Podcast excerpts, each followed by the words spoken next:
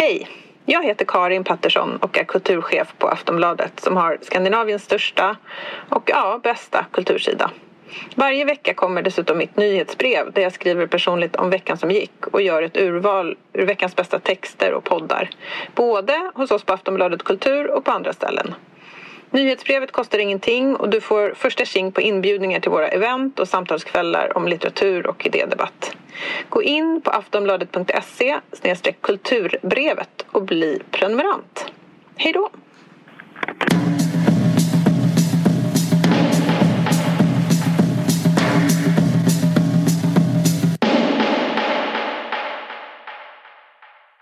Nu ska jag läsa upp mm. en sak från Instagram. Är du beredd? Mm. Det är från Chris Jenner. I'm so proud of my amazing daughter Kim. She absolutely crushed one of the hardest stand up gigs in the world. She is absolutely a rock star, and I'm so proud of this accomplishment. Not only was she beautiful, funny, outrageous, and didn't take herself too seriously, but she took this on with such importance and focus. She was calm, kind, smart, funny, hilarious, and vulnerable. She's um, showed that she's always in on the joke and really knows how to be stunningly fabulous and knows how to make fun of herself at the same time. She did her monologue with the best mix of love vulnerability, self depreciation, humor, beauty, intelligence, and kindness. Her work ethic is second to none. Always a team player and always including her family in everything she does. Wow, Kim, you nailed it. I'm exploding with pride and excitement for the most amazing week. Thank you to Lauren Michaels for including Kim and Chloe and I in this epic show and for your kindness, generosity, and for always treating us like family. Congratulations, my Kim. I love you so much, my girl. And who knew she could rap? Okej. Okay. Det, det här är liksom Chris Jenner efter um, Kim Kardashian var med i SNL. Mm. Har du sett det? Nej, jag har inte sett det. Jag blev så inspirerad i mitt moderskap när jag läste det där. Verkligen. Att vara så mot sitt barn. Mm. Eh, som gör, eh, liksom, alltså vad hon, jag, jag fick en liksom, helt liksom, ny förståelse för typ varför Kim är Kim. Alltså ja. tänk att ha en sån människa i sitt liv som är bara så... För att hon gör jättemycket mm, narr av Chris Jenner. Du kommer få höra det skämtet. Jättekul. Jag skrattade. Och alltså hon gör jättemycket narr av hela hennes familj och typ roastar sin familj. Superrolig monolog i Saturday Night Live i lördags. Och, eh, och ändå Alltså om jag jämför det här med mm. Vigdis. Nej men liksom att vara så, alltså inte ens tänka på så här verk och person Nej. utan bara vara helt så. Du, eh, vi stöttar dig för det är du som gör det här och du är så briljant, du är så vacker, du är så begåvad och rolig. Alltså att vara så mot sitt barn och inte alls vara rädd för typ vad någon annan ska tycka fast mm. hon är uthängd som ja men, eh, du får höra skämtet liksom. Och, och, och liksom att det är, ah, jag, jag, vill, jag, jag fick ändå en slags push för mitt eget moderskap att kanske, att verkligen vara, att vara sån liksom så fort ens eh, barn gör eh, någonting överhuvudtaget. Det känns ovanligt. Um, Okej, okay, nu ska jag spela upp det här för dig. And it's so great to be here tonight. I know, I'm surprised to see me here too. When they asked Uh, I was like, You want me to host? Why? I haven't had a movie premiere in a really long time. I mean, actually, I only had that one movie come out, and no one told me it was even premiering. It must have slipped my mom's mind. I'm excited to be here tonight to show you guys that I'm so much more than just a pretty face. And good hair and great makeup and amazing boobs and a perfect butt. Basically, I'm just so much more than that reference photo my sister showed their plastic surgeons. But the one thing I'm really proud of is that no one could ever call me a gold digger. Honestly, I'm not even sure how you become one. So I asked my mom's boyfriend, Corey.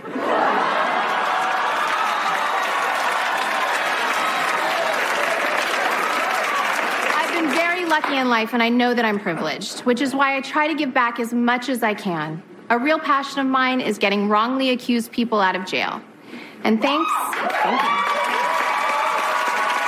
Know, I think I'm following in my father's footsteps. Now, you know, my father was and still is such an influence and inspiration to me, and I credit him with really opening up my eyes to racial injustice. It's because of him that I met my first black person. Want to take a stab in the dark at who it was? Um, I know it's sort of weird to remember the first black person you met, but OJ does leave a mark. Or several. Or none at all. I still don't know.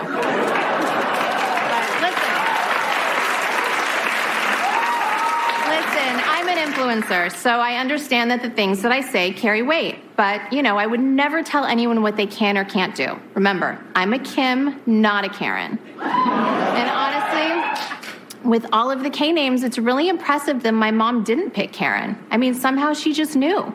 I don't know how she saw that one coming and not Caitlyn. Now, now I know we're divided as a country, but I'd love America to come together. Which is why I'm here to announce that I'm running for. I'm just kidding, guys. I'm not running for president. We can't have three failed politicians in one family. I've been very blessed in this life, and I'm grateful for everything. Honestly, all the ups, all the downs. I mean, I married the best rapper of all time.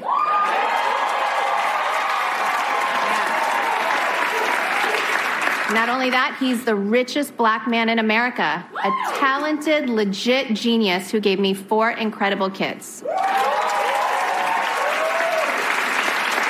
So, when I divorced him, you have to know it came down to just one thing his personality.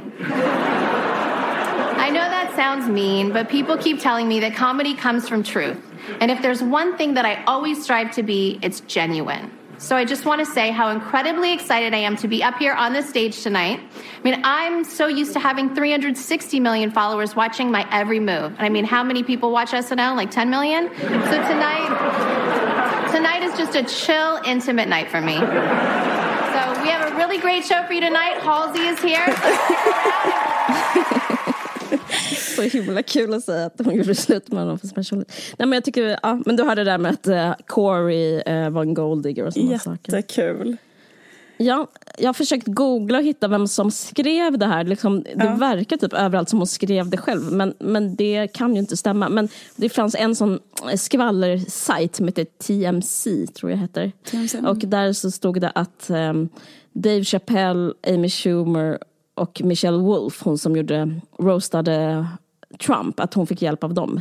Eh, Men det känns som Nej, att, men- nej, men att Chris, eh, alltså det känns som att eh, de är så, Asphalt Kim, typ att hon känns inte alls som att hon, eh, alltså jag menar att hon är uppfostrad så av någon som säger så här, du är bäst, var den, alltså det räcker den du är. Alltså, Ja. för hon känns inte alls som att hon försöker vara någon annan än den hon är eller så. Förstår du vad jag menar? Nej. Hon känns inte som någon som liksom har komplex för de sakerna som hon inte är. Utan hon känns bara så lugn och Mm. Verkligen. tillräcklig. Och det måste, ju, det måste ju bero på det. Alltså hon hade kunnat eh, hålla på jättemycket och tänka så här. Ja, jag, eh, varför är jag inte... Förstår du vad jag menar? Någonting. Mm. Kanske varför inte jag är ett konstnärligt geni. Min man är ett konstnärligt geni och sånt. Eller Ja, ja, liknande. Men, men det känns som att hon inte har haft någonting sånt överhuvudtaget. Nej, verkligen inte. Ehm, det, det finns en jätterolig... Eh, allt, alltså, sen så är ju, jag tror SNL, är alltså, det håller på en timme och så du vet uppbyggnaden, det är en massa olika sketcher och sådär. Och den som hostar är med typ de flesta. Men vissa saker är, är jättekul, till exempel som Ki, eh, vet du, Chris Jenner refererar till att hon var bara på att rappa så finns det en jätterolig um, sketch som handlar om grown as women in the club. Eh, som är att hon, ehm, du vet så typ om man, om man, om man är typ så här flerbarnsmamma och som ska gå ut en lördagkväll. Alltså det är så Eh, alltså det är så pinsamt och alltså det, var, det kändes jättepinsamt att känna igen sig och det, och det känns jättepinsamt att liksom det finns. Men eh, det finns också en jätterolig scen som är alltså, en parodi på Bachelorette. Thank you so much for showing me your perfectly hot body. That was really vulnerable of you. Det är jättekul, men liksom, hon pratar bara om deras utseende och eh, sådär hela tiden. Eh, nej men, eh, och sen så gör hon en jätterolig scen när hon är Jasmine och Pete Davidson i Aladdin och de pratar liksom eh, om att han är otillräcklig för henne. Och sådär. Men jag vet inte, jag läste, liksom, jag läste din killes artikel, eh, alltså Mm. Olas, om Norm MacDonald. Och så var det så intressant för då fick jag liksom en slags förståelse för Kim genom Norm. Eh, för det som Norm säger om liksom, vad är en bra komiker. Eh, han sagt säkert jättemånga saker, men den grejen som han sa om skryt, att liksom kanske så här 99 procent bara går upp. Och där, jag känner mig så träffad i det här. Det är också lite som det är att podda. Alltså jag är liksom en dålig komiker. För då är det typ att man är så här. Mellan raderna vill jag bara att ni ska veta att jag är en jättebra person. Jag vet, jag vet. Det är så, Det är så jävla vidrigt. Alltså det är så jävla oattraktivt. Och det oattraktiva är mest av allt, tycker jag, att man tror man ska komma undan med det. Eh, att man är typ så här, hela den här pratan kanske låter som den handlar typ om Lundin Oil, men egentligen handlar det om att jag är duktig. Typ. Eller bara Eh. vad som helst man pratar om.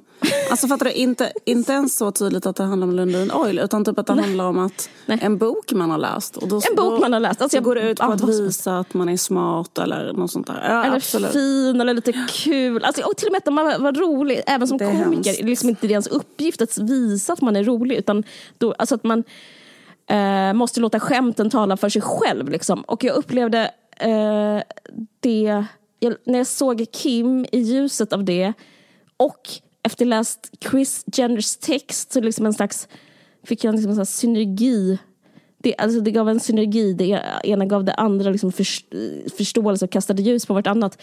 Att bara, ja, det är sant, för hon har gett Chris, eller Chris har gett Kim den, den så här ultimata självkänslan som går ut på att inte bevisa sig, lite så som du sa. Uh, och det är eh, förutsättningen för att vara en bra komiker. Och därför var, är hon jättebra hela tiden, för att hon är helt, hel- har helt så här lämnat sig själv. Eh, vilket är väldigt spännande. Jag tror inte alls hon vill vara komiker. Det är inte alls hot på något sätt i hennes värld. Men, men eh, hon, eh, hon levererar otroligt bra och, och skröt faktiskt ingenting. Alltså inget mellan raderna handlar om att hon var liksom duktig eller begåvad. Eller, till och med när hon pratar om att hon är snygg är det ju liksom ett skämt på hennes Ja. egen bekostnad. Det är liksom inte... Alltså om jag skulle säga det och velat att folk skulle tycka jag var snygg, då skulle jag säga något annat som var mycket Visst. liksom, liksom, vad ska man säga, slappare och försökt liksom mer manipulativt och liksom, ja du vet, alltså någonting som men, det, men hon, hon hamnade aldrig i det, vilket gjorde det väldigt så här helgjutet och liksom, väldigt så här njutningsfullt att titta på. Och hennes ansiktsuttryck är hela tiden milt och liksom hennes leende är liksom genuint snällt. Alltså det är så alla ovanliga grejer att Verkligen. se på hos människor som performar eller liksom Annars har ju människor det här liksom slags dryghet runt munnen. Som inte hon överhuvudtaget har. Och jag, jag tror det är därför hon är så, älskad. Också för att hon är snygg såklart. Men ja, jag vet inte. Nej men precis. Men det är verkligen inte bara det. Utan hon har också någonting. Men det är någonting med att hon bär sig själv. Och det gör hon nog för att hon eh, är så älskad av sin mamma. Men jag menar att Ja. hon... eh, Det, det, är så, det, är så, det är liksom en lättnad att eh, vara runt människor som inte behöver uppstöttas hela tiden. Nej. Eh, Alltså det är skönt. Så är ju många komiker, att, Ja. att gå runt på bekräftelse. Ja, Liksom. exakt. Och många människor överhuvudtaget. Alltså, Jag nej, men just att man kanske liksom så här hela tiden behöver liksom... Eller, eller för jag, tror, jag tror också det är det som är skönt då, att det känns som att eh, ja, men hon är inte osäker på huruvida hon duger som hon är eller... Eh, du vet, utan det vet hon och hon kan liksom bära upp sig själv och så här. Och det gör att det, det, blir en, det blir en lättnad för alla runt omkring. Det är så jobbigt med människor som måste liksom bara Eh, de kräver någon konstig så curling hela tiden för att bara stå upprätta. Så är det ju jätte, Ja, men det, är jättemånga. väl, det, är väl, det är väl det är egentligen, alltså det är hon som är eh, en anomali. Alltså mänskligheten är ju Ja. På det sättet, det andra Visst. sättet som du pratar om. Det är, så som, det är att vara människa. Nej men precis, men det är lite synd för att det idealet lärs inte ut särskilt mycket. För det är egentligen en slags idealmänniska. på. Jag, jag, Ja. jag visste typ inte om det förrän jag läste Chris Jenners text och allt. Alltså jag kände att det var en ny grej. Jag har inte ens tänkt på henne så innan.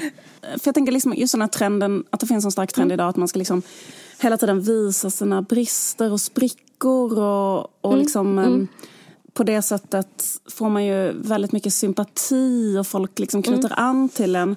Och det är någon slags ideal idag ganska mycket att vara så här öppen Mm. och transparent och visa sina brister och sådär. Men Mm.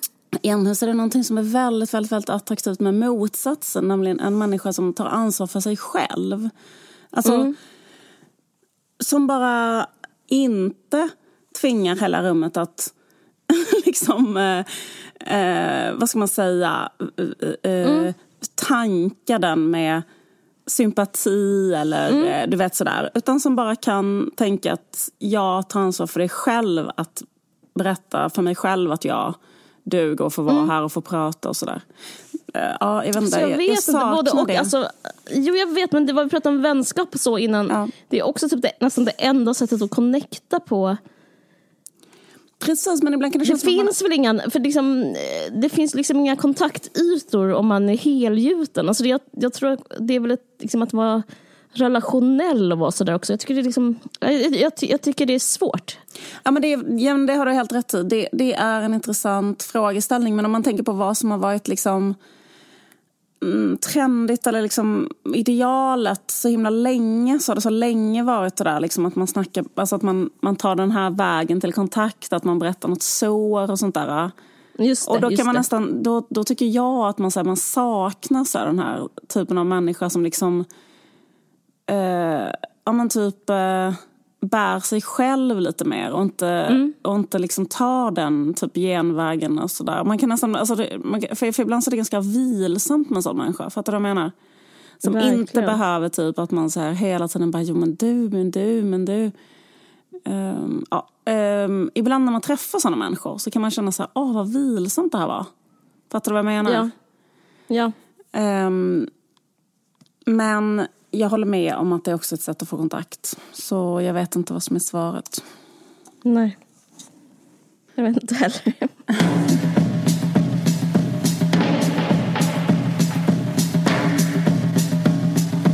Vi har ett samarbete med en podd som vi vill tipsa om. Mm. Som är gjord av Cancerfonden. Mm. Eh, och den är gjord av eh, Shang Imam mm. och Gurbet Aslan. Mm. Som är eh, journalister som man kanske känner igen deras namn från P3 och så vidare. Mm. I alla fall så har de gjort en podd som handlar om att få beskedet cancer. Mm. Den är i fyra delar och man kan, det som är speciellt med den här poddserien, den här dokumentärserien, det är att jag vet inte om ni kommer ihåg, men i julas så fanns det en reklamfilm eh, som, handlade, som var fiktiv. Som, som handlade om en pappa som eh, fick cancer och eh, en pojke som var tvungen att mm, hantera det helt enkelt. Och den här filmen Alltså, reklamfilmer brukar liksom inte få så stor uppståndelse men den, den fick väldigt så här, stor, stort mottagande och liksom det skrevs mycket om den och så för att eh, det var första gången i reklamsammanhang, nu kanske generaliserar jag, men som inte en invandrare eller en rasifierad person spelade en gangster eller en kioskägare. Vilket som är så väldigt vanligt. Och eh, det här är såklart ett stort problem för att cancer är en sjukdom som eh, drabbar alla men som sagt så var det här en fiktiv historia och väldigt fin. Jag, jag minns att jag faktiskt berördes av den. Jag, jag brukar rakt av hata reklam men det här liksom, jag brydde mig om den här.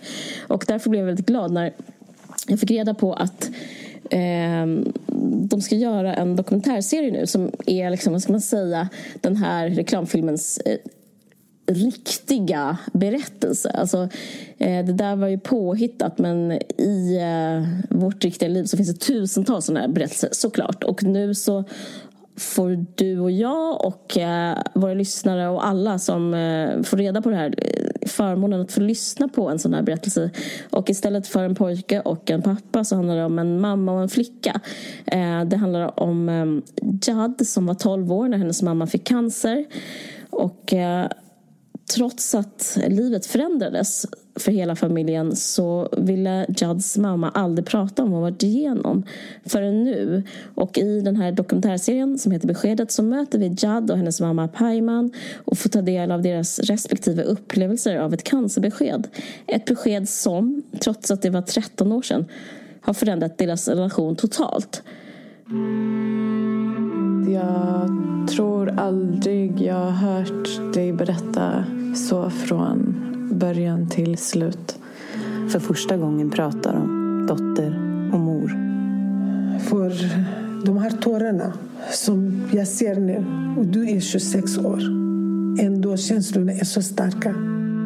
Lyssna på Beskedet. Finns där poddar finns eller på cancerfonden.se. Känns väldigt oberättat att berätta så här hur eh, påverkar det och också om någon överlever och allting går bra så tänker man att det bara ska vara liksom eh, helt lugnt efter det och det. liksom att ingenting har hänt men det är klart att det blir en, sån, en jättestor omvälvande händelse som påverkar eh, så pass många viktiga år i ens liv om man är ett barn och, och eh, och att det, det är mycket som förändras och, och, och mycket saker som kommer. Ja. Ja, det, det är väldigt oberättat och just från eh, den typ av eh, liv. Liksom, eh, tydligen så är det, det, i Changs fall så upplevde hon att att det har med liksom en identitet att göra. Att, eh, som, lite som jag pratat innan om den här podden. Att, jag vet inte om det är samma sak. Men om man kommer från eh, traumatiska, en traumatisk bakgrund med liksom mycket så här svårigheter i sitt bagage så är det väldigt lite av en, liksom, att man, en offermentalitet utan man ska liksom visa sig stark. Man ska, liksom, mm, man ska klara mycket i och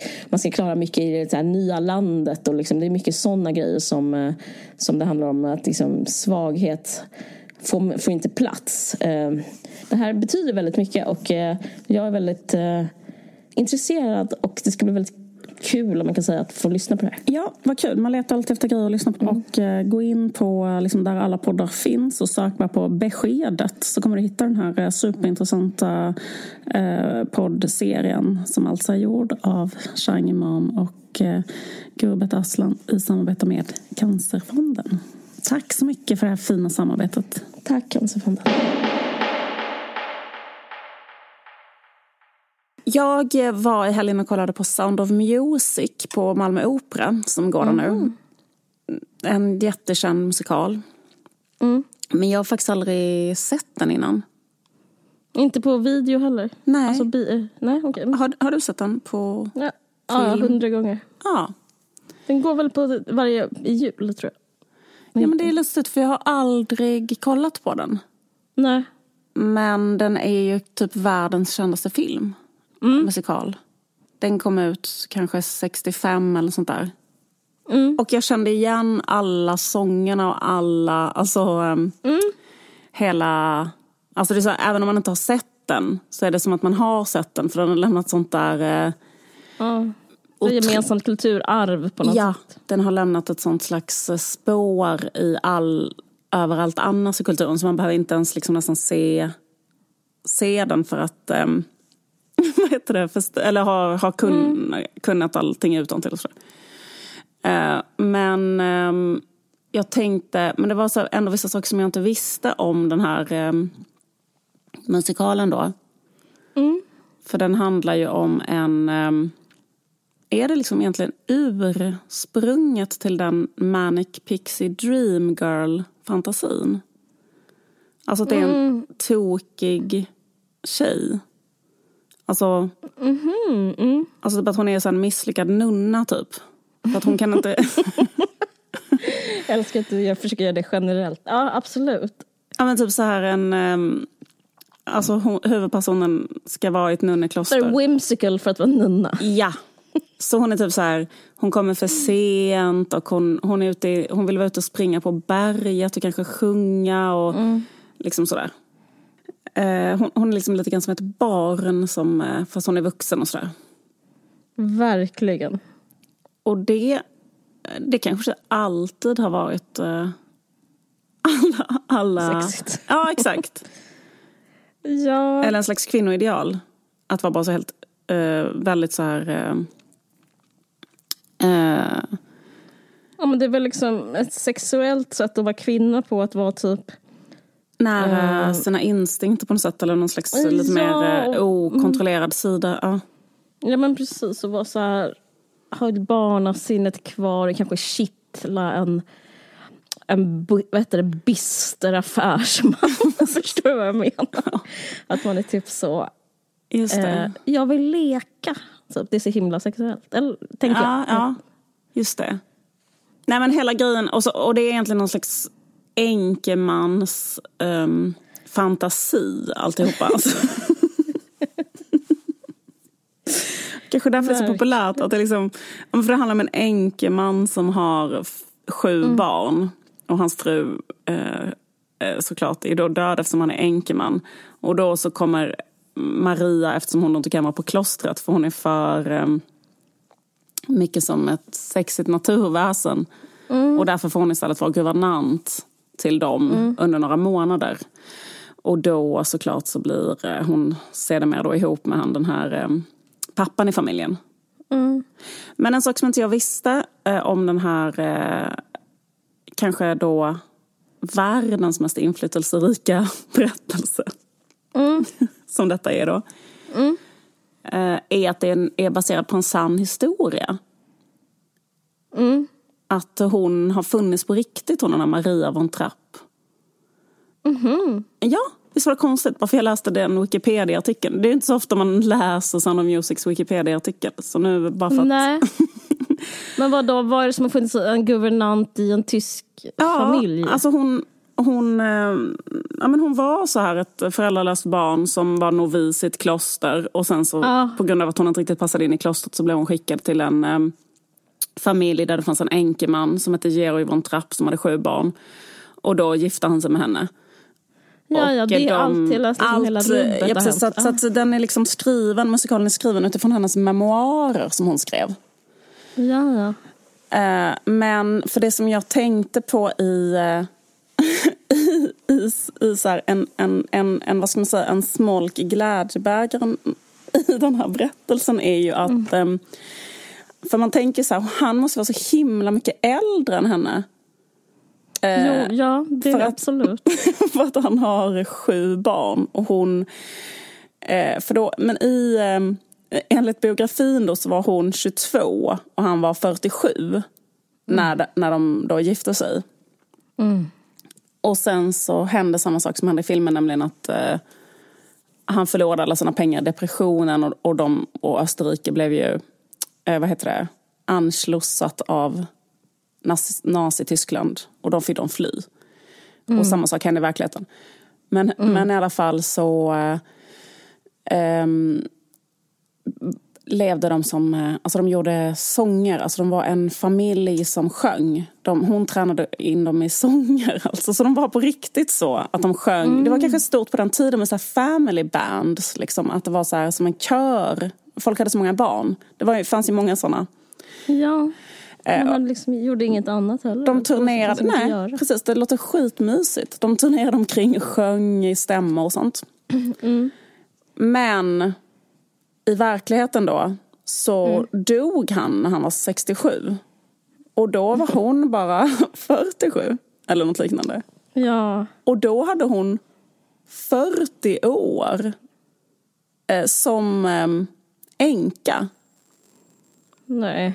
Jo. alltså, Så ett straff för att hon inte blev nunna. Ja, hon hade säkert det jättebra som änka. Men hon hade i alla fall... Ja, men då tänkte jag att det skulle vara... Varför har ingen gjort en... Nej, men nu är det ju så inne med såna prequels och sequels och sånt till olika kända. Det ska vara så spännande att se den... Ja, hon ska bli ihop med en whimsical munk kanske, som är 22. Gud vad bra. Jag älskar den här spån, det här spånmötet på vad som hände den feministiska uppföljaren av Sound of Music. När hon är en 47-årig milf. Det är som Sex and the City-uppföljaren. Och sen en... Och ändå så bevarad, för hon fick inga egna barn. Förlåt för Just det, hon, hon fick faktiskt eh, tre egna barn. Men, men jag... För, jag- jättesynd. Men det Inte kan, i vår version. det kan man ta bort i den versionen. Så absolut att hon inte har fått några barn. Och sen att hon... eh, Hon skulle kunna bli ihop med en munk. Alltså inte en... Inte en kristen En munk. utan- tvivlande munk. Eh, En, kanske en buddhistmunk. Alltså en... Eh, alltså, that real hot? Absolut. nej, men alltså, en, skulle, inte, skulle, inte, skulle inte kunna bli ihop med en sån alltså beach bum, alltså en sån slags buddhistmunk. Att du menar typ en sån kille som ehm, Ja, ja. ja. har så här eh, makramé-armband och sånt och eh, surfar och är Jo. andligt intresserad av buddhism. Men försöker bli buddhistmunk på det sättet som kanske Leonard Cohen var buddhistmunk. Ja, ja, ja. Men att He liksom- dabbles. men, Men, men men en, att sen, eh, en eh, jätte- sen ja. så blir han ändå ur- ur klostret och då blir han, vad heter det, nej, eller att hon... Jo men det är jättebra, men också så kanske att han fortfarande lever i celibat och, och hon är så här, eh, hennes liksom kamp handlar om att han ska liksom prova att vara med en kvinna. Åh gud vad kul, jag dör. Ja, det, det är helt otroligt. Eh, precis, Nej, men det är jätte, jätte, jättebra. Han kanske är någon sån slags ny andlig rörelse mot sex. Ja. Ja men typ sån, vet du, non-fap. No rör- exakt. Han kan vara en sån kille. Det var modernt. Exakt. Ja, skulle, man skulle kunna göra en modern version. Ja, han kanske är en brother, han kanske är en, vad heter en JBP-brother.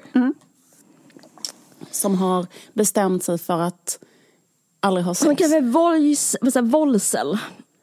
Just det. Han är en våldsel. Och den skulle kunna spelas av någon som ser ut som man kan tänka sig att Julie Andrews skulle ha sett ut när hon var 47. Alltså jättesnygg och bla bla bla. Ja, men det, skulle kunna vara, nej, men det skulle vara en modern version som skulle vara så här. Och det skulle vara en musikal. Björn och Ja. Benny håller på mycket med... Du vet att Björn och Benny... Dels tycker jag att det var väldigt feministiskt av dem att köpa Perfect Day för 100 miljoner. Ja men det är det mest feministiska de någonsin Ja, alltså, och då verkligen- har de ändå gjort, du vet att han typ single-handedly finansierade hela Fi, att Benny Andersson. Han Jag donerade vet, jag vet. otroligt mycket pengar till dem. Och då var det ändå inte så feministiskt som att köpa Perfect Day. Men grejen är att, jag, jag, jag, jag, är det liksom att de, de vill de helt enkelt stödja kvinnligt entreprenörskap typ. Mm. Men de hade kunnat skriva en musikal där de hade kunnat skriva den här musiken till den här eh, eh, 47-årig, alltså Mm. en enka fantasi istället för den här då enkemansfantasin. Mm. Men skulle den också utspela sig i Alperna eller bara någon helt annanstans? Mm, nej men ja, precis. Nej, men jag tror kanske någon annanstans. Men det är mer attraktivt att vara. Eh, Bali. Bali kanske. Ja, kanske. Nej, jag vet inte. Men i alla fall, i verkligheten så sa Maria von Trapp hon ville jättegärna begravas bredvid Georg von Trapp och hon sa när hon dog så, hon så här, jag har längtat varje dag i 40 år efter att få bli begravd bredvid Georg. Ja, men då var hon verkligen ändå i alla fall kär i honom. Men hon eh, var också vad heter det, missionär i um, Nya Guinea. Eh, så Men att, eh, var från Trapps, var de eh, på motståndarsidan? Alltså allegedly, men jag menar Allegedly. ja, men var inte alla För det, det handlar inte på direkt om en 50-talet om du förstår vad jag familj. menar? Eh, nej, nej Eller? precis. Nej men exakt. Och liksom, nej, men alltså, jag har enligt, alltid tänkt på det, att liksom, är de nazister eller är de inte det? i, I berättelsen så är de inte det. Och också vet. enligt biografin de är, så är det i- typ de är neutral. Men liksom, De vill inte att Österrike, de, är liksom, de vill inte att Österrike ska vara en del av Tyskland. Det fanns väl österrikare som vill, liksom inte ville det. Men jag menar, de, Mm. de flesta i Österrike ville ju det. Det var ju därför de inte behövde ens kriga. De gjorde ju inget motstånd mot den. De ville Mm. ju ingå i Nazityskland. Nästan alla i Österrike. Men då kanske det fanns enskilda personer som inte ville det. Och han var ju någon slags en flottgeneral och då blev han inkallad till att, eh, det här hände också i verkligheten då, att han skulle vara med i Tredje rikets armé. Och det var det han inte ville. För han var Nej, men alltså då, men då så, Ja. då är han friad. Ja, då så, det, då Och det var därför de var tvungna att fly. Men ehm, Ja. eh, i alla fall så... Jag, hade liksom, jag har alltid haft en liksom klump i magen när jag sett den här. För jag har liksom aldrig riktigt fattat vilken sida de är på. Om man ser typ en lycklig nazifamilj eller om man ser en, en familj som är emot. Ja. Hon är ju inte heller direkt en judinna. Alltså det är ju liksom, Nej, det är hon verkligen inte.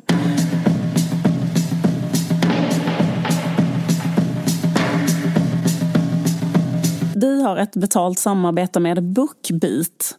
Och Bookbeat är en ljudbokstjänst med över 300 000 ljud och e-böcker. Otroligt många. 300 000 ljud och e-böcker. Just när man lyssnar på eh, så här, ljudbok, e-bok, att det kan vara ganska schysst att man kan så här, växla mellan det tycker jag. Som att man... eh, Jag har lyssnat och läst på e-bok Marianne Lindberg De Geers eh, trilogi som börjar med På drift. Ja, hon har skrivit den i tredje person så det handlar om någon som heter Mona men det är baserat på hennes liv. Men i alla fall, just det här att man kanske eh, kan slå på en knapp och då helt plötsligt så är det hennes uppläsning av det. Och då kanske man... Eh, absolut, det har jag aldrig gjort. Jo, det, det kan man göra. Så till exempel, så här, nu behöver man typ skala potatis och då, eh, kan man liksom lyssna och sen kanske man behöver sitta ner och vänta på att en eh, fotbollsträning ska bli klar. Och då kan man läsa i sin telefon. Och sen så kanske man vill gå ut en promenad och då kan man slå över så man kan lyssna igen. Så det är ett ganska så praktiskt sätt att ta del av ehm, litteratur. Eh, Superbra. Och om du lyssnar på den här podden så kan du prova Bookbeat gratis i 40 dagar. Och då kan man Ja. lyssna på hur många böcker man vill. Vad är det för kod? Koden är en varg söker sin podd och utan, eh, alltså, utan några prickar någonstans och i ett ord. En varg söker sin podd eh, En varg går Med- sin podd. med gemener och så får man prova BookBeat i 40 dagar. Och koden gäller alla nya BookBeat-användare. Så gå in och lyssna på Esther Freud ehm, eller Marianne Lindberg De Geer om man hellre vill det. Och eh, vad som helst. Det finns ju hur många titlar som helst. Gå 300 000. in, precis, gå in på bookbeat.se och eh, då kan man komma igång direkt. Skapa ett konto. Tack så hemskt mycket, mycket BookBeat för att ni gör den här podden möjlig. Mm, tack så mycket. Vi har ett samarbete med inga mindre än Bonniers konsthall. Väldigt kul. De har nu en soloutställning som eh, vi eh, varmt rekommenderar att man går och kollar på. Av en jordansk konstnär som heter Lawrence Abu Hamdan. Och eh, utställningen heter Dirty Evidence. Och den pågår fram till den 7 november. Precis. Det är bara han på hela konsthallen, en soloutställning. Och den, den, den är... Han ser liksom konsten som ett verktyg. Eh, vilket är... Det är liksom få som säger det rätt ut, men han gör det. För att vi, då, publiken, ska lyssna. Eh, och han har gjort en... eh, och Själva utställningen handlar liksom om brott och rättegångar och eh, liksom vittnesmål och det är de han kallar då för dirty em, evidence. Hans eh, samhällsengagemang och ljudanalys har gjort att han kallas in som expertvittne vid UK Asylum and Immigration Tribunal. Han har även samarbetat med organisationer som Amnesty International och Defence for Children. Och ehm, det här är hans största utställning hittills och den innehåller både nya och äldre verk som har gemensamt att de utforskar vittnesmålet och beviset eh, från olika håll. Och, och det är... Eh, jag vet inte, jag, jag kan inte bara... Kanske fånigt ord, men jag tycker det är så extremt trendkänsligt att göra det nu i vår tid när liksom man... Eh, det är som att många människor tycker mycket är fel men man, har liksom, man, man är liksom bakbunden att vara en agerande människa fast man har väldigt mycket information om allt som är fel. Eh, så det finns liksom inte så många ytor egentligen för att säga någonting om sakers tillstånd. Alltså, jag vet inte om eh, vår tid beskrivs som demokratisk men på många sätt är den ju inte demokratisk.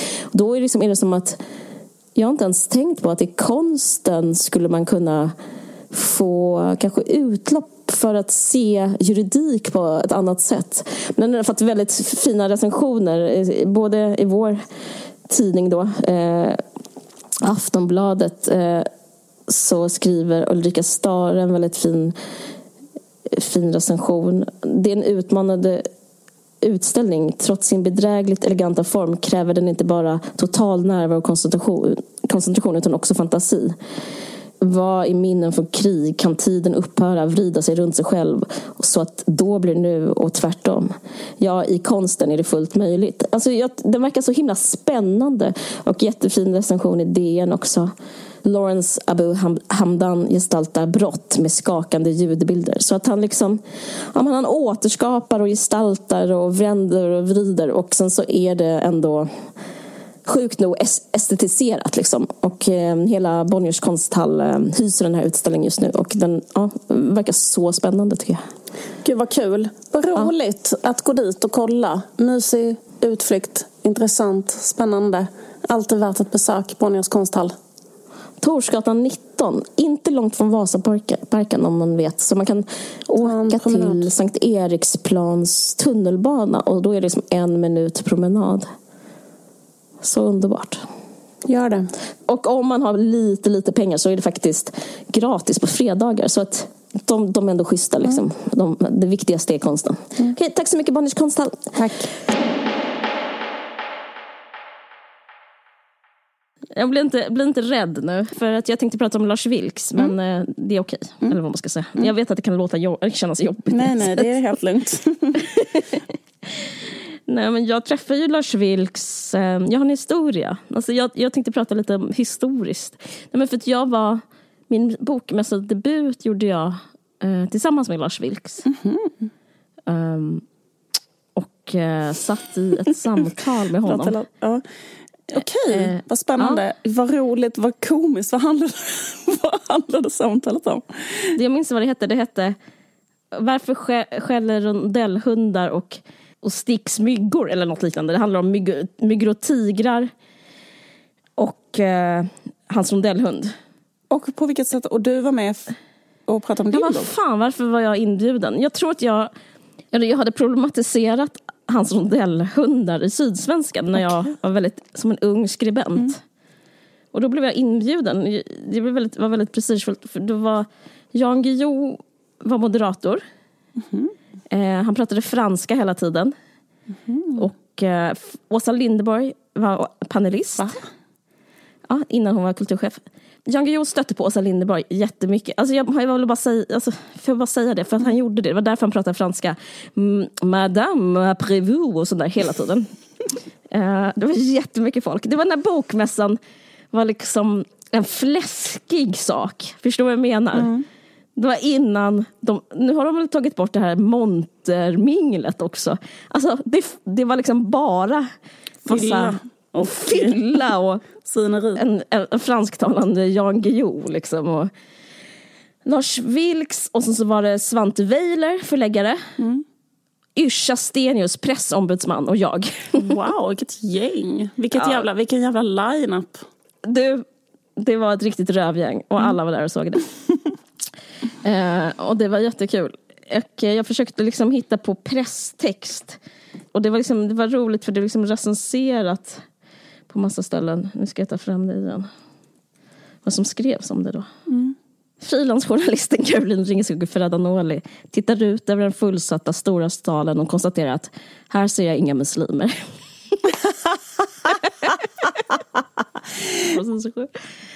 Det är ju verkligen sant. Vilket Eh, år eh, var, var, 2007. 2007 var detta. Det var ju då, alltså det var året när han gjorde Rondellhunden. Ja, det, var precis. liksom, det måste ha hänt då liksom bara kort innan att han ritade hela grejen. Och allting. Ja, Okej. precis.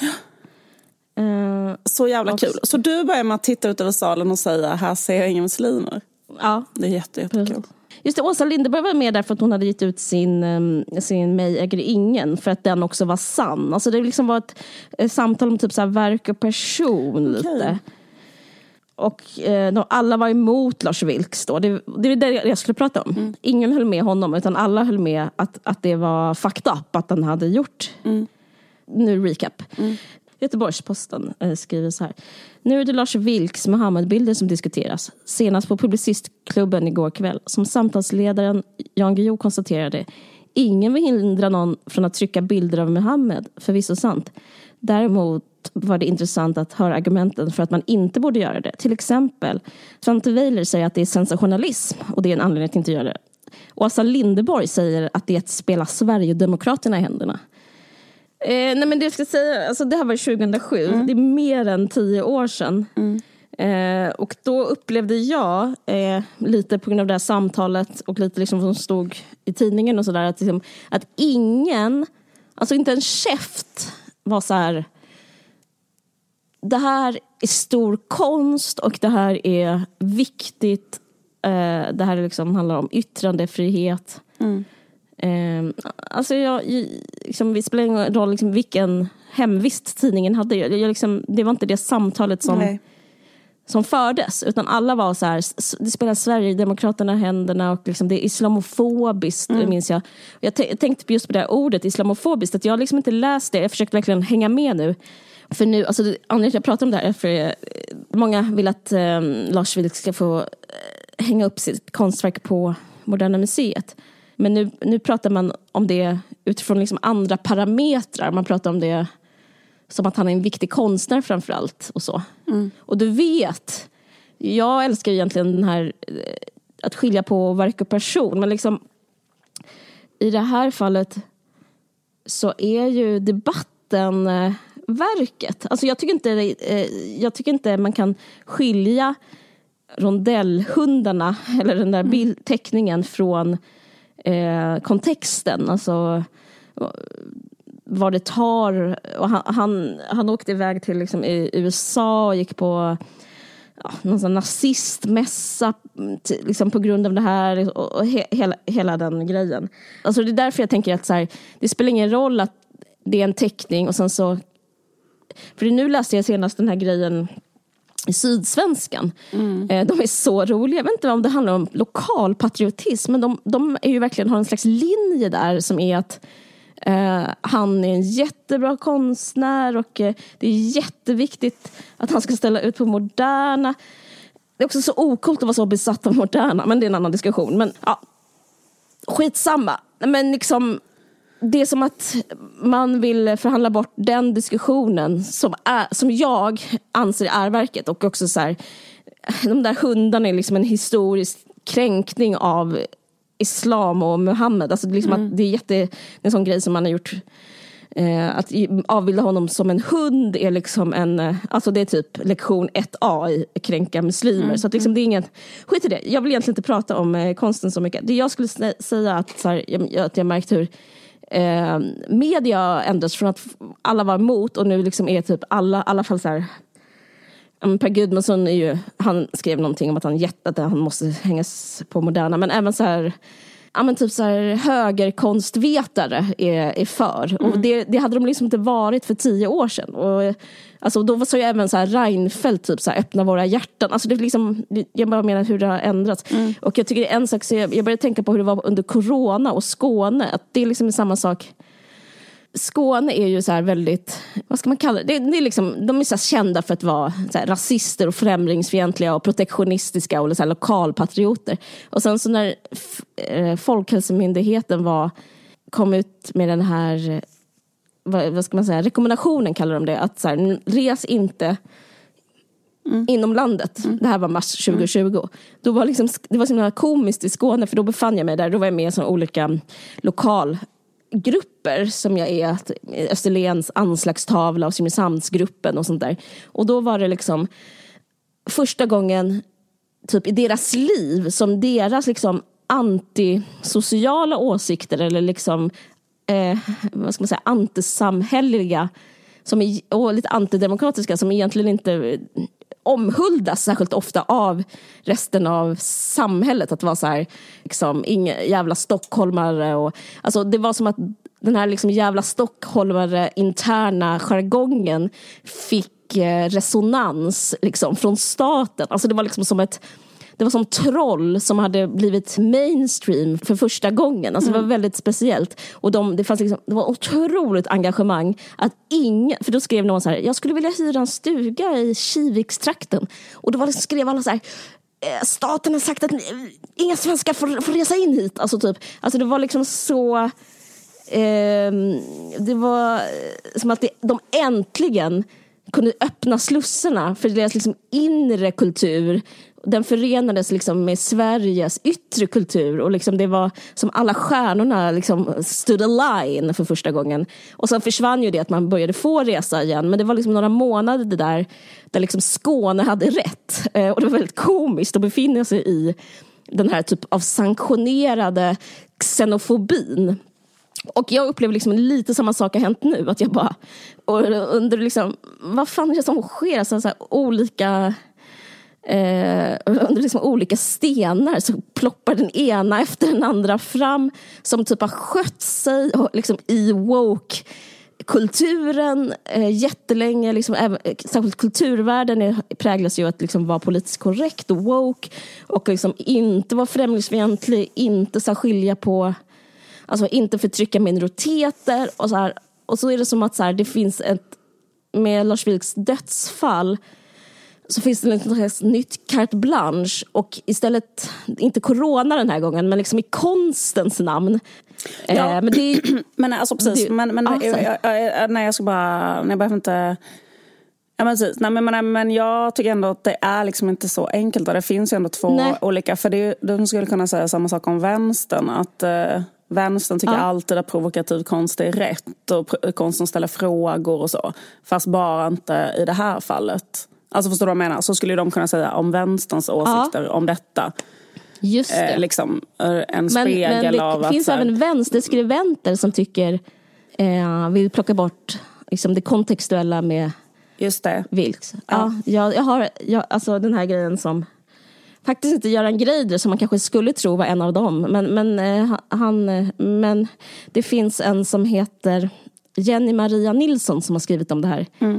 Eh, som, eh, som är på samma linje som högerskribenterna. Så det är liksom, så det gäller, alltså det här är inte bara högern utan det är även vänster. Alltså det handlar om eh, För jag trodde först att det handlade om höger och vänster. Det var, liksom, det var faktiskt min spaning först inför den här podden. Men sen så började jag läsa här och där att det var olika vänsterskribenter som delade de här åsikterna. Och jag förstår att det, det handlade liksom inte om det. Det handlar tycker jag om tidsandan mycket mer. Att så här, Elina Panke skriver en jättebra artikel om det i Aftonbladet. Liksom om typ den nya vänsterrassen. Alltså hon, då nämnde hon Göran Greider som jag absolut inte ska ta upp nu för att han, han har eh, opponerat sig mot Lars Vilks. Alltså, jag tror som den enda jag har läst, jag har inte läst någon annan förutom hon. Moderna Museet-chefen Gitte Örsko. Hon, hon är ju den som eh, ska, hon skrev så här. Jag måste säga att jag förvånas över att allt fler tongivande konstkritiker så tvärsäkert tycker att det är så självklart att inkludera verk som grundar sig på hatisk och kränkande ikonografi i Moderna Museets samling. Ja, nej men, men i alla fall, det jag menar att det handlar inte om vänster och höger utan det handlar liksom om, om samma sak som hände då under coronan. Att liksom som att jag upplever liksom att rasismen har hunnit i kapp. Och det märker man på massa sätt. Liksom då när, när Lars Vilks publicerade första gången, då hade det 2006, året innan, hade det kommit en högerregering och man var rädd för SD. Jag minns den typ av samtal, men nu är, liksom, nu har, nu är vi liksom redan allt det där som man var rädd för har liksom redan hänt och Socialdemokraterna gör det SD ville då. Alltså liksom alla gränser har liksom förflyttats och han blir som en sån termometer på det. Eh, det som liksom var tabu, det bara sägs nu. Ja, Ja. Nej. Nej, men jag vet inte. Och eh, jag upplever som att det här blev som en dörr som öppnades. För ingen kan ju, liksom vågar eller vill säga jag hatar muslimer. Alltså för det är liksom, det ska jag inte säga att de gör heller, men liksom viben, alltså det går liksom inte att säga det, men, men, det, men liksom överallt som man börjar, jag läste på Carl Johan De Geers Insta som också vill ha ett upprop nu för att han ska få hänga eh, sina rondellhundar på Moderna. Då bara liksom i kommentarsfältet började det pratas om gängvåld. Alltså det finns liksom en sån ja, stämning i Sverige som och, så, och det här blir liksom en termometer på det.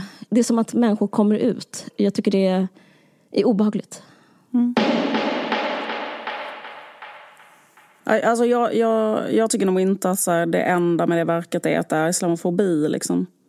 Nej. Det är väl ett sätt att titta på en provokation som verkligen är en provokation. Som dels en provokation mot vad alla tycker i hela kulturetablissemanget och sen vad alla, alltså sen globalt mot det. Alltså, alltså så här, jag vet inte, alltså så här. Och sen kan man säga så här. Är Ja, nu tycker jag inte det. Vad sa du? Nej, men nu tycker nej, de ju inte Nej, precis. För det, men det kan man också tycka är intressant. För jag tror att han på något sätt hade liksom en slags... eh, jag vet inte, men jag tror att hans konstnärliga riktlinje var att han skulle hitta på någonting som var det mest eh, provocerande så att säga, och förbjudna att säga. Därför att så som det var då, att han sa ju någonting som ingen höll med om, till exempel i en sån panel av de mest uh, inflytelserika personerna. Så här, att på riktigt hitta på någonting som ingen håller med om i så här, det är väl, eh, alltså, så- det, det kan man ju tycka vad man vill om, men det var ju provokativt för alla. Mm, verkligen. Eh, och då, ehm, förutom kanske eh, för SD typ, men som då var det mest marginaliserade partiet på den tiden. Inte nu längre, men. Eh, och då, eh, om man liksom tror på så här, eller vad, vad heter det, eh, tror på provokation som en uppgift konsten har att eh, få alla att tänka på detta eller diskutera detta eller vad man ska säga. Eh, då, ehm, är det ju ändå det som är verket, att det är eh, den provokationen så att säga. Och, och liksom, och, men där tycker jag det är lite komiskt så här i efterhand, för det är ju ganska många som säger så här, ah, hur kunde ni inte stödja Lars, Vilks mm. exakta fas han gjorde när detta hände? Men mm. eh, det, det liksom konst som direkt stöds av etablissemanget när det publiceras är ju inte en provokation. Då har man inte gjort provokativ konst. Alltså om man vill göra Nej, verkligen. provokativ konst. Det är liksom konst. en cirkeldefinition. Nej, exakt, det är klart precis. de inte stödjer det. Nej men exakt, utan liksom verket är att det är det, Att ingen stödjer det. Ja, exakt. Så att Ja. liksom en del av liksom, när man gör det är ju så här hur ehm, att, det var, att det är det mest eh, typ, förbjudna att göra då. Gör det som är mest eh, förbjudet idag bland etablis- kulturetablissemanget, den världen där han själv befann sig. Eh, sen så är det inte förbjudet bland nazister och så vidare. Men de är ju inte en del av etablissemanget liksom. För det kunde jag också tänka på lite grann när, för tusen år sedan när eh, det fanns en debatt kring eh, misogyn eh, skämt-rap i Sverige. Eh, då var det en feministisk, eh, det här kanske är eh, också 2007, nej det kanske är 2011, 2013 och sånt där. När ehm, eh, innan Elina Eksvärd och de hittade Mr Cool så fanns det ett drev mot honom kanske tre, fyra år innan när han inte skulle få Ett spela. indiedrev. Ett indie-drev som kanske drevs av Kakan Hermansson och lite andra personer på den tiden. Som var att han ska väldigt så här misogyn, alltså skämtsamt misogyn, att vara så misogyn som man bara kan. Och sen eh, skulle Som en han... persona typ. Ja, som en persona som säger att man ska, det är rätt att våldta tjejer kanske. Och att eh, ja, homofobi är jätte... Alltså, jag hatar bögar kanske. Ja. Så, ja, exakt. så att nu tar det som är mest förbjudet inom en viss kulturkrets 2013 och säger det då. Så den konstnärliga idén är provokation då. Ehm, och då eh, var det ett eh, upprop som ville att han skulle inte få spela på Emmaboda. På den tiden. Men då tänkte jag på det liksom att där är ju idén med att göra den jag menar, i idén ligger det att man inte ska få spela på festivaler. Fattar du vad jag menar? Alltså, man kan inte heller sen säga då, varför sa inte alla feminister att man skulle få vara välkommen att spela överallt? För då är det inte en provokation, alltså, utan man hittar på en provokation som är en provokation mot en viss grupp och då kommer den, gru- eller mot ett, mot ett konsensus eller något sånt där. Och då kommer den gruppen att reagera på ett visst sätt. Liksom för det är det som är själva verket ju. Alltså jag tänker att Verkligen. det är liksom... Verkligen, jag håller verkligen med. Och, och, och, så att jag, jag vet inte, jag vet inte om han eh, var islamofob, men jag tror faktiskt inte det. Alltså förlåt, men jag, jag tror inte att han, jag tror att han bara gjorde det som ett sätt att titta på så här, samarbetade eller vänta. med Dan Park och Jan Sjunnesson och en nynazist som heter Jessica Olsson. Ja men Dan Park är väl samma slags kategori nästan. Alltså men som inte han heller kanske antisemit? Ja, men, ja, men jag uppfattar inte att Don Park från början drevs av eh, övertygel, nazistiska övertygelser. Förstår du vad jag menar? Nej. Utan han drevs Nej. av så här sjuk humor typ. Alltså, eh, det, säg det värsta eh, du kan säga, humor liksom. Ja. Sen så tror jag att många av de här människorna en sak som kan hända sen är väl att man blir nazist för att man blir så himla bra behandlad av nazister och så himla dåligt behandlad av resten av samhället. Så att Ja. då blir man inbjuden på en sån mässa och då går man dit och för att man är inte är en människa då kanske. Och sen blir man nazist. Alltså, eller menar inte, men liksom så här, för att man blir liksom välkommen i vissa slags sammanhang och där får man kanske ställa ut och sådana saker. Medan man är svartlistad av allt annat. Liksom. Men jag, tror, jag, jag, jag tvivlar på att det var det som var hans intention. Liksom. Jag, tror, jag, jag tror absolut inte att det var så med Dan Park. Jag tror Dan, Dan Park bara var så här en, en människa som ville göra jätteprovokativ humor. Så här, eh, eh, säg det sjukaste du kan säga. Eh, hela tiden som en form av eh, eh, ja, bara ett estetiskt ideal. Så. Ja, men jag tror att det skulle vara svårare, om vi nu ska prata om det, att jag tror Don Park är svårare, skulle bli svårare att försvara inom mainstream media. För, Jag försvarar inte honom överhuvudtaget. Jag bara säger, Nej, jag bara jag säger vad jag tror dig. hans Ja. intention var från början. Ja, men det här tänkte jag, det, här, det här är inte relaterat till Nej. vad du sa exakt, Nej. utan jag, jag har tänkt på det. Jag, jag, jag har tänkt på Dan Park, att För han eh, karikerar, karikerar kanske man säger, Mm. eh, judar. Ja. Och eh, det tycker inte jag har liksom samma... Alltså den temperaturen tar inte jag på omvärlden. Att det finns en slagsida, att det finns liksom en öppenhet från liksom... För nu tycker jag att det är så här med Ska man säga, bara jättekort, hur Dan, Dan Park är liksom en gatukonstnär som var verksam, i Malmö typ de senaste 20 åren kanske. Sen jag kom ut, Ja. sen jag flyttade till Malmö. Och då kanske han hade så här, eh, det var mycket så här typ, eh, någon knullar ett barn eh, och eh, alltså, men typ så här, det kanske var ett hatbrott mot en eh, viss, eh, mot en svart man i eh, Malmö. Då kanske han ritar den på ett sånt sätt som han avbildade eh, slavar i södern som blev lynchade och skriver eh, att det var jättebra gjort eller avbildade honom på ett jättekränkande sätt. Alltså någon som var ett offer för eh, då, rasistiskt hatbrott till exempel. Alltså sådana slags grejer gjorde han hela tiden då. Ja, men, och, och väl ofta hakkors. Ja men precis, men jag menar eh, det här menar jag var värre än hakkors. Alltså typ att han skrev ut alltså, offers, liksom riktiga offers eh, kanske telefonnummer. Och, alltså, alltså, Nej, det var, det det, det, nej, det, alltså, liksom, och därför blev han ju också, Jo, absolut, han har gjort det. Mm. Han blev dömd. Ja, han har blivit dömd alltså för hets mot folkgrupp och sådana saker. Ja, precis. Ja men precis. Ja, Nej, men, det, men det jag skulle säga var bara att när jag bl- blickar ut Ja. eh, så skulle jag inte tro liksom, att samma värme skulle riktas liksom, åt någon park. Mm. Men grejen är att eh, jag tycker det är skillnad för att jag tycker det redan finns en hierarkisk liksom, ordning som är att eh, muslimer är liksom sämst och eh, alla hatar dem redan. Ja, men Eh. precis. Men där kan man väl också säga så här, som motargument att det finns ju hierarkier inom ehm, den gruppen och det finns eh, liksom eh, jätteförtryckande muslimska regimer i kanske Saudiarabien och sånt och Iran och, Självklart, och det finns absolut. människor som till exempel vill vara sekulära i Malmö som då blir förtryckta av religiösa ledare. Alltså förstår du vad jag Ja. menar? Så att det finns liksom, det är också så här men, men, men också självklart, sant. det finns en väldigt så här, en, en, en poäng där i det här med TF som det brukar kallas, nej men tolkningsföreträde. Tolkningsföreträde. Ja precis, att liksom så här, det blir alltid, eller, liksom, eller jag menar, det kan man ha som en estetisk åsikt kring konst, att det brukar bli bättre när saker och ting kommer från, alltså förstår du vad jag menar, kanske bättre när så här, Yahya Hassan skriver eh, om självupplevda saker än att någon som inte har någon aning om någonting typ gissar, eller du vet sådär. Det är väl liksom bara så. Ja, jag fattar vad du menar.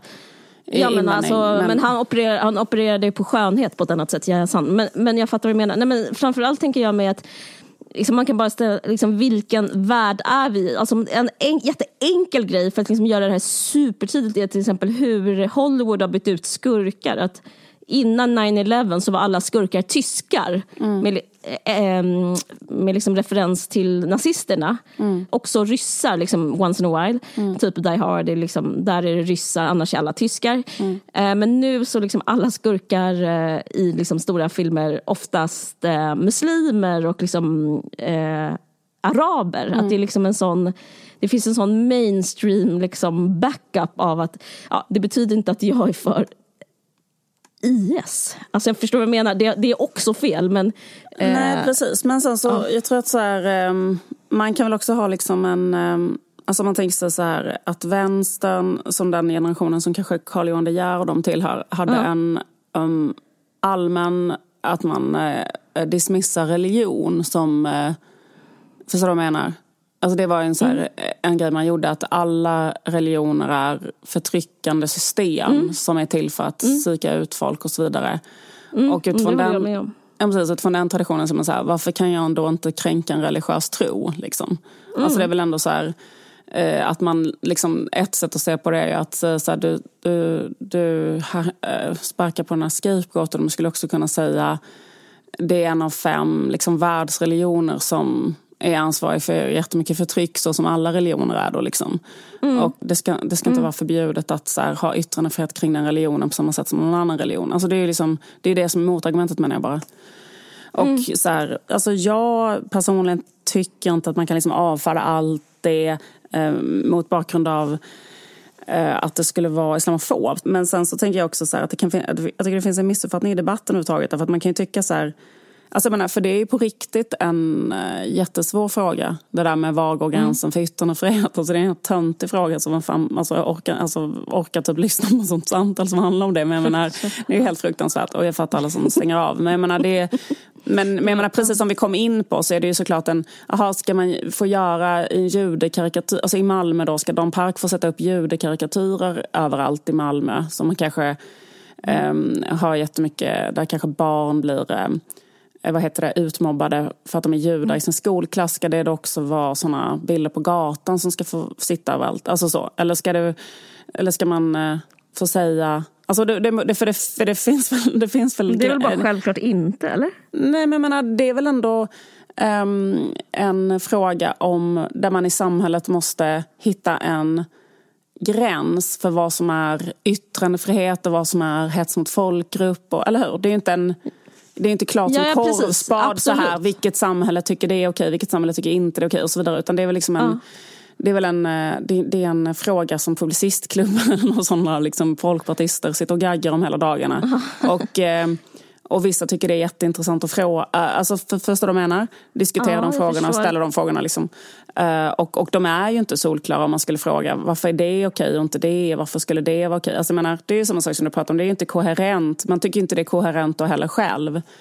Alltså, man tycker att en... Men vi har, ju, vi har ju en lag som är att man inte får eh, kränka utan, alltså, ja, men till exempel den lagen omfattas väl, omfattar ju inte rondellhunden? Eller? Nej. Det, den, den är väl inte dam, den är väl inte räknas Nej, vi pratar om Dan Park. Ja, precis. Men jag menar att var går gränsen mellan Dan Park, eh, Lars Vilks, eh, ja. liksom, eh, kanske pornografi, eh, barnpornografi. Mm. Alltså mm. allt sånt här är ju en gränsdragningsfråga mm. som man mm. som samhälle mm kanske i olika tider har olika mm. åsikter om och där man kan tycka. Å ena sidan kanske vissa värnar yttrandefriheten och andra, det andra i vågskålen ligger ett annat värde som är kanske respekt eh, för varandra och sådana saker. Mm. Och då kanske det finns en tradition inom konsten som är så här vi vill pissa på allt som är heligt. Och en annan mm. tradition är så här vi ska vara solidariska med de svaga. Och i detta fallet mm. så krockar de två idealen som kanske båda finns på ett sätt inom vänstern. Mm. Eh, mm. Och därför blir detta en, eh, en sån krutdurk typ. Mm. Och på det sättet så hade han ju verkligen ett sinnessjukt korn för provokation. Alltså. Mm. Alltså jag tycker det är intressant en annan aspekt för, i och med att vi pratar om det som konst. Mm. Att jag skulle tycka det, jag hade haft en annan åsikt om uh, i, enligt min mening konstverket hade varit bättre. Då hade jag liksom inte ens... Ja, för det jag tycker också är en konstig åsikt i så fall. För att ja. är det verkligen så att eh, liksom, ide principiella idéer kring konst eh, ska ja. vara olika om konsten är bra eller dålig? Jag vet inte, jag bara säger ja. vad jag, hur jag brukar resonera kring sådana grejer. För varför ska det bara vara så att Nej men precis, det, det är ju en åsikt också. Men det kan man också... För det blir liksom andra värden. För nu är det som jag inledde med att säga, jag tycker inte liksom verk och person, mm. jag ser ingen skillnad mellan verk och person. Mm. Det är mer som att han har en, det är som att se en anteckning ungefär. Anteckning om en åsikt mer än en Verket är liksom mer som ett medel än en själva verk. Ett separerat, självstående verk. Och eh, beroende på liksom jag vet inte liksom, om, om det hade kunnat vara på ett annat sätt liksom, med eh, andra kvaliteter så hade, jag, hade man kunnat få ut eh, andra känslor och liksom, eh, upplevelse av det liksom, och eh, djupare förståelse. Men, men det är platt som verk. Det, här säger bara, det är bara jag mm. som mm. säger det här. Jag säger inte mm. att det är objektivt att det är så. Nej. Men därför, det står aldrig för sig själv. Det är, det är liksom det som är det här verket. Alltså verket är liksom att han eh, verket i kontexten, vilket jag... Eh, och den kontexten tycker jag att man måste problematisera. Men nu, nu har pendeln svängt som är, vad menar ni? Det är bara att ställa ut, han är en jävla konstnär. Liksom från alla konstkritiker på alla tidningar. Skriver det hela tiden. Men eh, Just det. Och då... jag är öppen för att jag är den enda som tycker så här. För det, men, eller hon också på ja, men jag, jag är inte säker på att jag tycker att de ska så ha den på Moderna. Jag bara menar liksom att eh, jag menar om, om, man, om man har det Då skulle man ju säga att egentligen så är det så intressant därför att konst, konstverket har slutat vara provokativt. Alltså, Mm. Och på ett sätt så är väl det också en del av dens liksom resa då, typ vad man ska säga. Att eh, det är inte Mm. Men vad är det man alls... ställer ut då? Ja, precis så, alltså det, nej exakt, men jag bara menar att det, det är inte alls ett lika... Jag tänker också på så att just de här grejerna, de här frågorna med IS och Al-Qaida och sånt, att de var liksom större 2007 på något sätt. Därför att då var liksom, alltså om man säger, säger Sverige så känns det ju mer som att för sig fem år sedan så diskuterade alla islamistisk radikalisering i förorten. Och nu diskuterar alla gängvåld. Det är två olika saker. Därför att då stå- såg man re- religiösa människor som det största problemet. Och nu ser man på något sätt kriminella människor som inte har så här religiösa moralregler och sånt som det största problemet på något sätt. Så att se så islam som en, den största så här, eh, punkten där folk blir mest skogstokiga. Är inte riktigt... Eller är det så verkligen fortfarande? Kanske inte är det. Inte. beror på vem du frågar. Alltså, jag tror faktiskt att Ivar Arpi skulle säga att det var så. Men, men eh, alltså, jag tycker det är intressant nu för typ nu, nu delar liksom Ivar Arpi Marianne Lindberg De Geers artiklar. Alltså nu är det liksom jag, jag, kan, jag vet inte hur det är eller whatever, eller vad man ska säga. Jag bara menar att jag, jag kunde inte tro 2007 att vänsterskribenter och högerskribenter skulle förenas. Men nu har de liksom gjort det i det här. Och jag, jag upplever det som en... Eh, att det säger någonting om vad vi är och det säger någonting om hur hatade muslimer är. Och, och jag vet inte, det är möjligt att du har rätt i att det är inte därför man... Alltså det är inte det, så, så man liksom, det, är inte det man drar ur liksom som orsak. Men det finns ju liksom ändå en, ett, ett jävla tjat ändå, tycker jag. Om, eh, om migration, alltså om den typ av frågor som är mellan raderna. Eh, inte särskilt, alltså långt borta från idealen liksom om eh, allas lika värde. och Sådär. Men förlåt, men jag tycker faktiskt det. Ja. Och jag kan- tycker kanske konstens uppgift är liksom att vara, vara liksom, ha något annat eh, som inte är liksom etablissemanget. Och nu tycker jag, jag tycker det här är etablissemanget, att liksom hata en muslim. Just det, precis. Och det är ju en slags liksom... ehm, Eh, vad ska man säga? Det är en slags, liksom, ja men exakt som du säger, för det finns ändå ingen muslim i publiken där på ett samtal och så vidare. Så det är en jättevalid invändning liksom, till alltihopa. Ja. Liksom. Men det är... Men jag vet ju ändå- inte heller, alltså jag kan inte säga 100% där, och jag har rätt och alla andra fel. Det är inte så jag menar. Jag bara för fram ett, eh, för fram eh, ett sätt Precis, att tänka. på. Absolut. Och jag, men jag tror så här, också den här grejen att när man liksom inte... Alltså jag tror att det kan bli ett problem när man är så här, när man inte så att säga liksom får diskutera en fråga i hela sin komplexitet på något sätt. Mm. Då tror jag att det kan liksom... Alltså då tror jag det är lättare att det kommer konstiga backlashes mot det. För Men att, jag tycker man får, Ja, det handlar om hur han gör det. Ja, men Det är det jag menar, att liksom att det finns en... Alltså det är extremt intressant. Alltså det är ju brännande, alltså obviously. Mm. Men, men sättet han gör det på är bara är, är dåligt utfört. Vi har en nyhet angående hur den här podden kommer att eh, gå att lyssna på. Och som handlar om den här poddens eh, finansiering. Va? Eh, som ni vet så försöker vi att inte göra så mycket eh, samarbeten med företag och så vidare. För vi tycker inte att det blir så bra innehåll och inte så kul att lyssna på. Men vi måste ändå ha ett sätt att få betalt i den här podden. Och det vi har kommit på att vi ska göra nu det är att vartannat avsnitt av den här podden kommer att vara inlåst på Aftonbladet Plus. Så um, från och med nästa avsnitt, alltså nästa månads avsnitt av en Vargsaxen-podd eh, kommer bara gå att lyssna på bakom Aftonbladet Betalvägg. plus betalvägg. Och sen kommer nästa igen att vara öppet och sen kommer nästa igen vara bakom betalvägg och nästa igen vara öppet och så vidare. Vi ska prova det här. Hoppas att ni eh, kommer att, eh, att ni förstår oss. Vi är så glada Ja. för att ni lyssnar, ni är så gulliga. Vi älskar er. Och Alltså, det vi känns älskar, liksom vi har pratat lite... om er lyssnare. Vi har suttit i möten och pratat om er lyssnare, ska ni veta. Ja. Vi, Vi älskar er. Vi värnar om er. Ja, Men vi. eh, vi har diskuterat jävligt många olika lösningar för att kunna få betalt för vad vi gör den här podden. Och nu så är det så här Mm. vi ska prova i alla fall. För att vi älskar er lyssnare så kommer ni få ett erbjudande om att få köpa Aftonbladet Plus för en krona i månaden i två månader. Mm. Eh, och det eh, kan man göra Eh, man kan ta del av det här erbjudandet genom att gå in på en länk som är så aftonbladet.se snedstreck plusvarg. Plusvarg. Aftonbladet.se slash plusvarg. Då kommer ni få eh, kunna ta del av allting som finns på Aftonbladet plus. Och det är jätte, jättemycket. Också väldigt så här, bra, här intressanta texter. Och den här podden då. Ja. Men En krona. En krona i månaden kommer det kosta i två månader. Sen efter det så kostar det 69 kronor i månaden att få eh, prenumerera på Aftonbladet plus.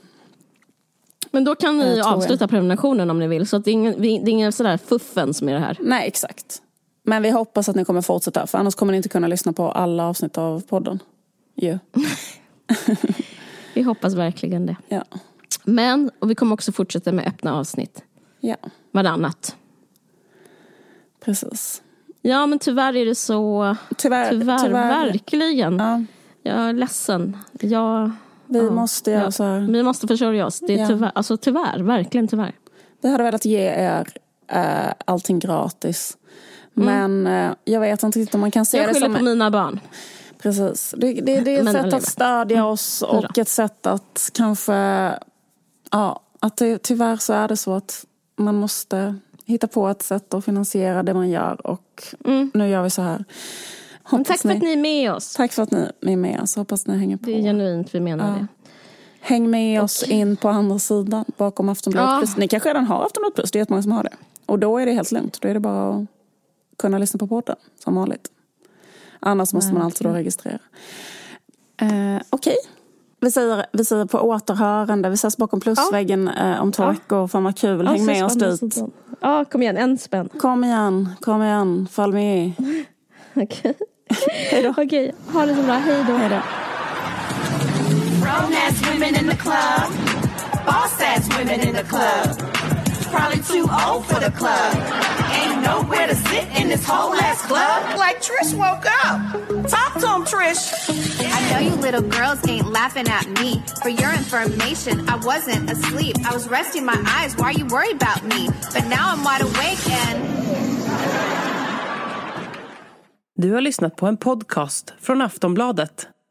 Ansvarig utgivare är Lena K Samuelsson.